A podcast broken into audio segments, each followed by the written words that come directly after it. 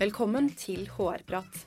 I denne podkasten intervjuer vi HR-ledere, ledere og andre spesialister på sitt felt for å diskutere de utfordringene som dagens HR-ledere står overfor.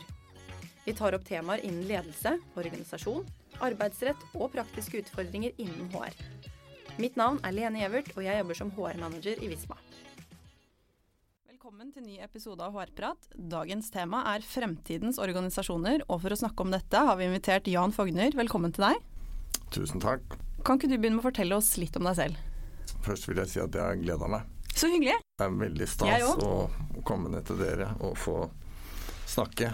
Ehm, min, min bakgrunn ehm, Jeg har på en måte alltid interessert meg for eh, arbeidsrett. Eh, praktiske ting rundt det.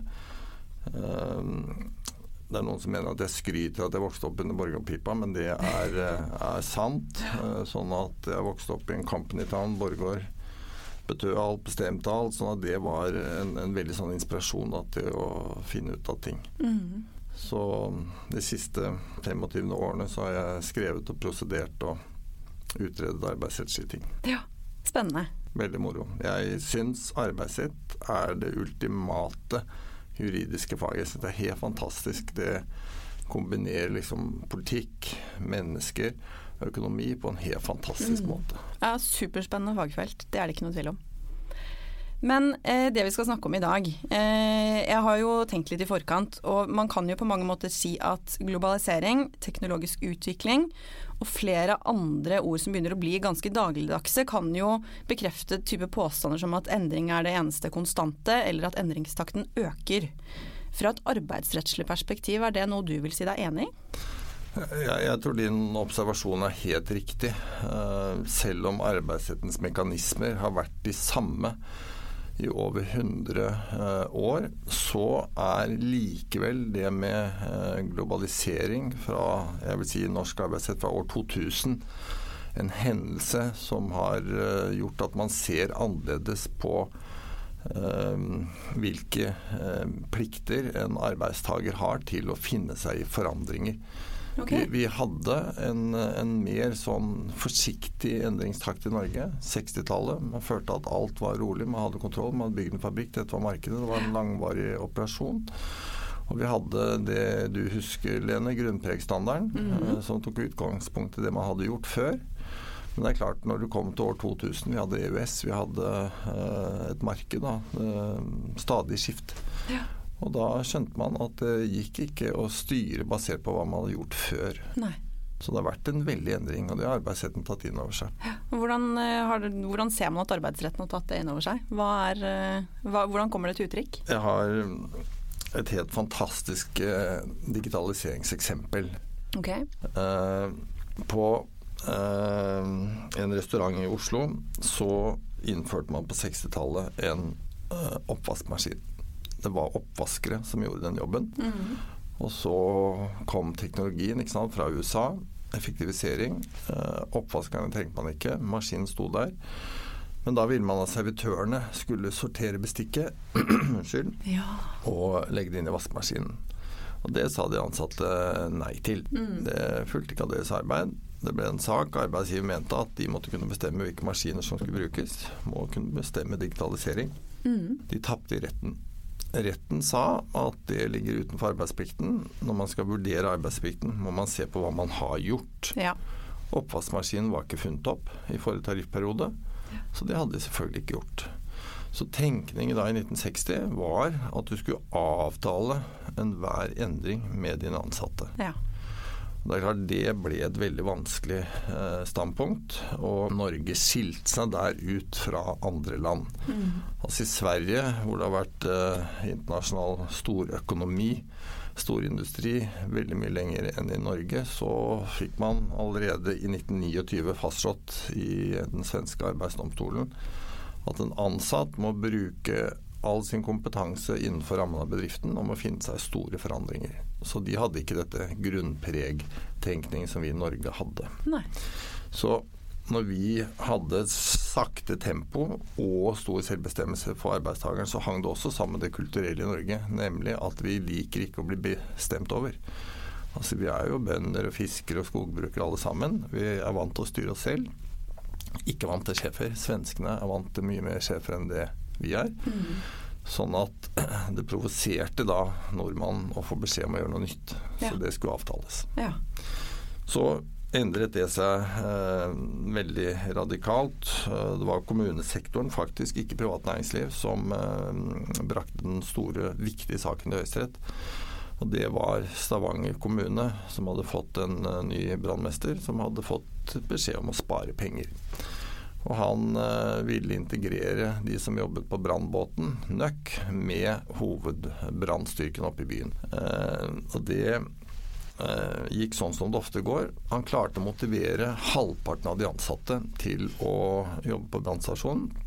Den andre halvparten ikke. Det er ikke sånn overraskende. Noen elsker forandring. Mange syns det er superkult, eh, og noen liker det ikke. Uh, og det er klart, det var ikke bare bare. Altså, de hadde vært skipsmaskinister på den båten. De hadde ikke hatt én utrykning de siste årene nede på den båten. Ganske behagelig? Det var behagelig, ja. men også litt kjedelig, tenker ja. jeg. da. Jeg tror eh, du, Lene, hadde blitt helt sprø av å sitte der. Deilig kanskje første halve dagen, og så, og så etter lunsj, da. så, så, hadde du fått uh, lopper i blod. Mm -hmm. Uh, oppå hovedbrannstasjonen så hadde de 3000 utrykninger i året. ikke sant? Oh, ja. ti, ti, per dag, sånn at de måtte jobbe enormt mye. Og de måtte da ha tilleggsutdannelse. De var brannmestere på brannbåten, men kunne gjøre bare vanlig brannmannsarbeid på båten, uh, på bilen, sånn at de fikk lavere rangert arbeid. Uh, tilleggsutdanning, måtte jobbe mer. Dette er jo 2000 offentlig sektor, ja. ikke sant. Sånn at beskjeden fra Høyesterett var at du, og det er sånn jusspråk finne deg ikke ubetydelige endringer. Og, det var en sånn skjult beskjed om at du må finne deg i svære endringer. Mm. Du må flytte, du må være forberedt på å flytte arbeidssted, gjøre nye oppgaver, ta tilleggsutdannelse. Og du kan ikke regne med å jobbe på samme høye nivå hele tiden. Nei. Du får beholde lønna di, men du må finne deg i å starte nede og jobbe deg opp igjen. Mm. Så det var den første store digitaliseringsdommen, eh, Høyesterett kom med den i år 2000, har fulgt opp den i de neste ti årene. Arbeidsgiver har fått medhold, med ett unntak, i alle endringsbehov de har hatt. Ja. Sånn at uh, fra 2000 så har alle ansatte oppfattet at de må på en måte være mer proaktive og godta forandring på en mm. helt annen måte. Ja. Så nå er Norge med. Ja, eh, og alle disse endringene som skjer rundt oss, det er jo med på å påvirke flere bransjer og forretningsmodeller. Eh, og du er jo inne på det, for det her har jo igjen betydning for den kompetansen som den enkelte virksomheten har behov for. Men hvordan skal man som virksomhet egentlig forholde seg til dette? Du er jo inne på at nå har man jo kanskje større adgang til å egentlig pålegge ansatte til at jo, du må utvikle deg, du må tilegne deg ny kompetanse. Men hvor går disse grensene, og hvordan skal man angripe dette? Der er jeg veldig opptatt av i en hovedsetning, og det er sats på folka dine. Mm. Og, og, det betyr jo at du må vite hvilke folk du har, hva de kan, og hva du har bruk for. Ja. Uh, hvis du er organisert, så har du forplikta deg gjennom hovedavtalen til å drive kompetansekartlegging løpende. Uh, sånn at bedriften skal vise frem hvilke behov vi har nå og de neste årene. Du skal uh, kartlegge dine folk for å se om det er gap og gi de tid og mulighet til å etterutdanne det. Sånn at øh, vårt arbeidsliv bygger på tanken om at vi i tide skal gi folk beskjed. Sånn at de kan få fri, etterutdanne seg og være eh, kompatible med dine behov fremover. Ja. Det er en del arbeidsgivere som har syntes det har vært mer spennende å plukke igjen fra gaten som er helt nyutdannet og som kan det, og som ikke trenger uh, ny opplæring. Uh, man har sett uh, outsourcingsbølgen.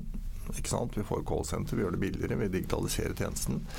Nå er det i ferd med å snu. Man ser at det der å få tjenester levert av folk som ikke er ansatt hos deg, ofte leder til lavere kvalitet på tjenesten. Mm. Så det er veldig mange gode eksempler i Norge på at man har klart å utdanne folkene sine. Borregaard, min uh, favorittfabrikk, uh, ikke sant. De mm. starta jo med formen, lite utdannelse, uh, og nå styrer de altså fabrikken gjennom et hyperteknologisk datasenter, høyt ingeniørnivå. Og det er de samme karene som, som driver det. Ja. Coop digitaliserte sitt lager utenfor uh, Gardermoen. Hadde et plukklager på Grorud, fysisk. 260 kanskje, som jobba med det. Det var bare bære. Det var så manuelt det kunne bli. Krevde ingen fagkompetanse. Og de har nå bemannet hele det digitale lageret på Gardermoen med sine egne folk. Det var ikke bruk for alle, men de satte de på skolebenken i Tyskland ja. sammen med de som hadde laget dette datasystemet. Og det er en fantastisk eh, sånn YouTube eh, som ble laget av Arendalsuka, hvor de beskriver sin reise. Og du hadde aldri trodd at eh, Gerda kunne det, men det kunne Gerda. Ja. Så ikke undervurder folkene dine. Eh, motiver de. Eh, skap eierskap til dette endringsbehovet. Um, og det er jeg veldig opptatt av. De bedriftene som ikke kommuniserer godt, vil jo oppleve ansatte som ikke er med på hva vi trenger. De beste bedriftene er jo de som har ansatte som er med på dine behov. Altså skal vi overleve, så må virksomheten gjøre dette. Hvis man må få til dette, vi må gjøre dette oppkjøpet, vi må ha denne strukturen. Hvis de ansatte ikke opplever at de er om bord om det, så blir det vanskelig å drive. Mm. Men, og de bedriftene du er inne på nå, de er jo kanskje gode eksempler på livslang læring. Altså, eh, og det er jo kanskje egentlig den nye normalen. Men hvor store endringer er det man egentlig kan påtvinge sine ansatte? Hva er det som ligger innenfor styringsretten? Også som jeg var inne på eh, allerede for eh, ja, 20 år siden, da. Og da var jo ikke digitaliseringstakten der vi er nå så, så sa altså Høyesterett at du må finne deg omfattende etterutdanning. Ja. Eh, jeg kan ikke på hvor uka hvor, hvor, lang tid det tok eh, å lære seg å kjøre den brannbilen og beherske alt det utstyret. Men at sånn utdanning kan ta et halvt år, mm. Eh, det tror jeg er helt alminnelig. Og det ligger i hvert fall innenfor det ansatte må finne seg i. Mm. Er det ikke spennende? Altså, det er en stor jo. mulighet. Sånn at ja. jeg tenker at vi her ikke egentlig snakker om tradisjonelle pålegg som mange kan tenke på som negative. Da. Inngrep i mitt liv. Mm. Dette er muligheter. Sånn at her er jo kunsten å finne frem til motiverte medarbeidere ja. og gi dem muligheter til å få dette til. Da. For det er jo gøy å lære. Folk elsker jo mestring. Og når man får til noe nytt, så blir man utrolig glad mm. og blir stolt. De som blir lei seg, er jo de som ikke får det til, og blir vanskelige medarbeidere. ikke sant? Så, så kunsten er å motivere folk. da. Synliggjøre hvor vi skal, og hva trenger vi for å komme oss dit. Få med seg folk på det. Og at det er gøy ja. å få til noe nytt, da. Ja. Ikke sant. Men vil du si at styringsretten har endret seg? Har vi større adgang i dag til å gjøre endringer enn tidligere? Ja, jeg vil si det. Eh, jeg underviser jo eh, på BE også, og har jo mye studenter her, og ser fra semester til semester at arbeidsgivere har blitt mer oppmerksom på sin rett til å styre. Den var jo helt underkommunisert i Norge fra 60 til 2000. Altså Fagforeningene kunne spillereglene. Arbeidsgiverne de snakka, men de var ikke veldig bevisst sin styringsrett. Så det er ikke tvil om at arbeidsgivere er mer klar over at de har ansvar for og kan treffe beslutninger om det som skal til for å få arbeidsplassen til å fungere. Men eh, hvor store må endringene være for at vi skal si at det ligger utenfor styringsretten?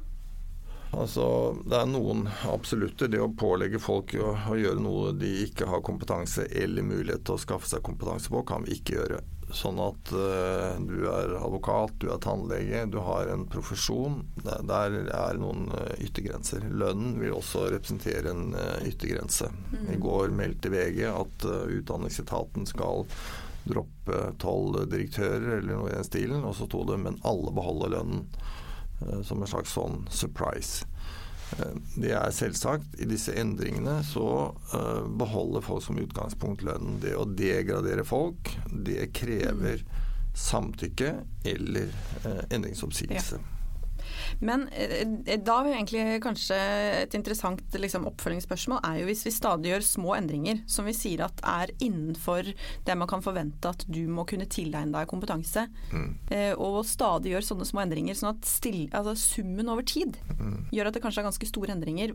Hvilken betydning har det eventuelt at den stillingen jeg ble ansatt til for to eller ti år siden, eller hva det skal være, det er noe helt annet enn det den er i dag, eller det den kommer til å være om kanskje et år eller to? Det nytter ikke lenger å legge sammen tingene og ha ting i banken. Altså, dette var egentlig det jeg var ansatt for. Nå har jeg vært grei og gjort disse tingene. Nå har jeg flytta meg til høyre, det har blitt ytre til høyre. Nå er jeg for langt ute. Ja. Det, det, går ikke. Uh, ved, ved, hver forandring så, så må den ansatte si fra da, hvis man mener at dette er, er utenfor. Ja. Uh, så man, man, kan liksom ikke spare på sånne innsigelser. Nei. Men hvordan bør man som arbeidsgiver involvere sine ansatte? Vi er jo litt inne på det. Enten det er snakk om å tilegne seg ny kompetanse eller endring i et arbeidsforhold. Du har jo kanskje både sett virksomheter som er flinke til dette, og kanskje de som ikke gjør det fullt så bra.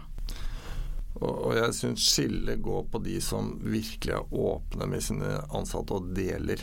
Det er mange arbeidsgivere som nå er bekymra for at de skal overleve. Uh, vi vil klare oss, konkurransen er hardere, kommer nye tilbydere. Mm. Se på varehandelen nå. Uh, de har under kjempepress, de opplever konkurser. Hvis du i de situasjonene engstelig ikke deler, lukker deg, så, så kommer de i en vanskelig situasjon. De arbeidsgiverne som deler uh, sine vurderinger, ikke bare de positive, men også de negative vurderingene er åpne om, om hvordan man ligger an. De får man om bord. Altså de ansatte vil da oppleve tillit. De stoler på meg. Jeg sitter nå på viktige opplysninger om uh, hvordan vi bedømmer uh, selskapet. Du får lojalitet, og du vil hjelpe til for å få uh, dette til å gå. Da. Mm. Så jeg tror graden av involvering er, er, det avgjørende. Du skal være stolt av bedriften din. Uh, det viktigste spørsmålet i alle medarbeiderundersøkelser er er du stolt av å jobbe i Visma. Mm. Ikke sant? Og det bør 93% svare at de er. Ja. Og da har man lykkes veldig godt. Hvis man er stolt av det, da identifiserer du deg med det, og du er villig til å være med på en forandringsreise. Mm. Men før vi avslutter, hvis du skal gi HR-ledere som hører på tre råd til hvordan de kan forme fremtidens organisasjoner, hvilke tre råd vil du gi de da? Det første rådet er å bli kjent med og bry deg om folka dine. Det er en del ledere som bruker for lite tid på å se og bli kjent med folk. Det tar tid. Mm. Ikke sant? Mange er veldig busy, alle møtene, og det blir ikke tid til å bli kjent. Det er punkt én. Eh, punkt to er å gi folk større ansvar enn du egentlig hadde tenkt deg. Ta sjansen på å delegere mer enn du føler deg helt komfortabel med. Så ser du at de blir stolte over å få mer ansvar, og du ser at de vokser på å få større ansvar. Og du vil være overrasket over at de klarer det veldig godt, noen ganger bedre enn deg selv. Og det siste er at du ikke skal bytte ut dine ansatte til fordel for en yngre, penere som kommer fra gaten. Mm. Og som du har glede av to år, og så er denne personen også i ferd med å bli grå, for det har kommet noe nytt. Sånn at du må gi trygghet for at vi er i samme båt, og at du som arbeidsgiver også satser på de, og ikke bytter ut. Kontinuerlig utvikle sine ansatte. Sats på folka dine. Ja. Tusen takk for gode råd, og tusen takk for at du kom.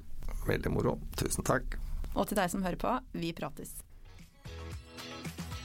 Hvis du har temaer eller spørsmål du ønsker vi skal diskutere, send oss gjerne en mail på hrprat.visma.com. Og for flere episoder, sjekk ut visma.no slash podkast slash hrprat.